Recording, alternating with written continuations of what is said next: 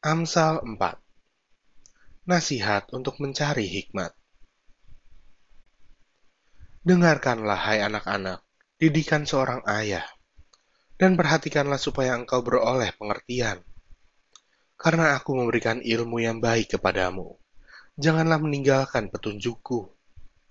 Karena ketika aku masih tinggal di rumah ayahku sebagai anak, lemah dan sebagai anak tunggal bagi ibuku, Aku diajari ayahku. Katanya kepadaku, Biarlah hatimu memegang perkataanku. Berpeganglah pada petunjuk-petunjukku, maka engkau akan hidup.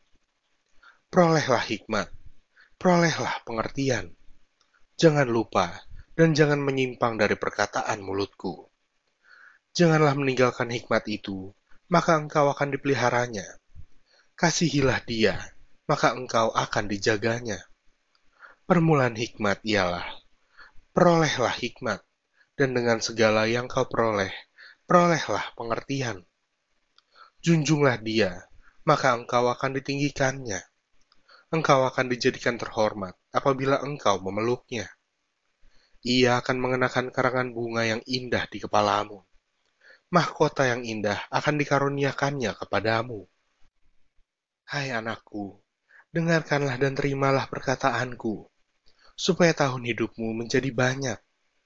Aku mengajarkan jalan hikmat kepadamu. Aku memimpin engkau di jalan yang lurus.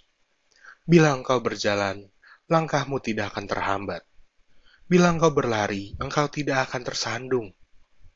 Berpeganglah pada didikan, janganlah melepaskannya.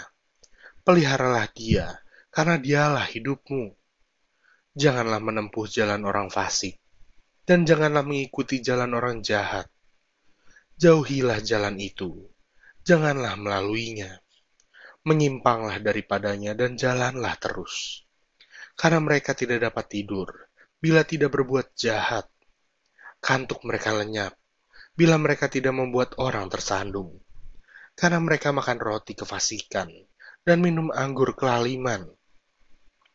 Tetapi jalan orang benar itu seperti cahaya fajar yang kian bertambah terang sampai rembang tengah hari. Jalan orang fasik itu seperti kegelapan. Mereka tidak tahu apa yang menyebabkan mereka tersandung. Hai anakku, perhatikanlah perkataanku. Arahkanlah telingamu kepada ucapanku. Janganlah semuanya itu menjauh dari matamu. Simpanlah itu di lubuk hatimu, karena itulah yang menjadi kehidupan bagi mereka yang mendapatkannya dan kesembuhan bagi seluruh tubuh mereka. Jagalah hatimu dengan segala kewaspadaan, karena dari situlah terpancar kehidupan. Buanglah mulut seorang daripadamu, dan jauhkanlah bibir yang dolak-dalik daripadamu. Biarlah matamu memandang terus ke depan, dan tatapan matamu tetap ke muka. Tempuhlah jalan yang rata, dan hendaklah tetap segala jalanmu Janganlah menyimpang ke kanan atau ke kiri. Jauhkanlah kakimu dari kejahatan.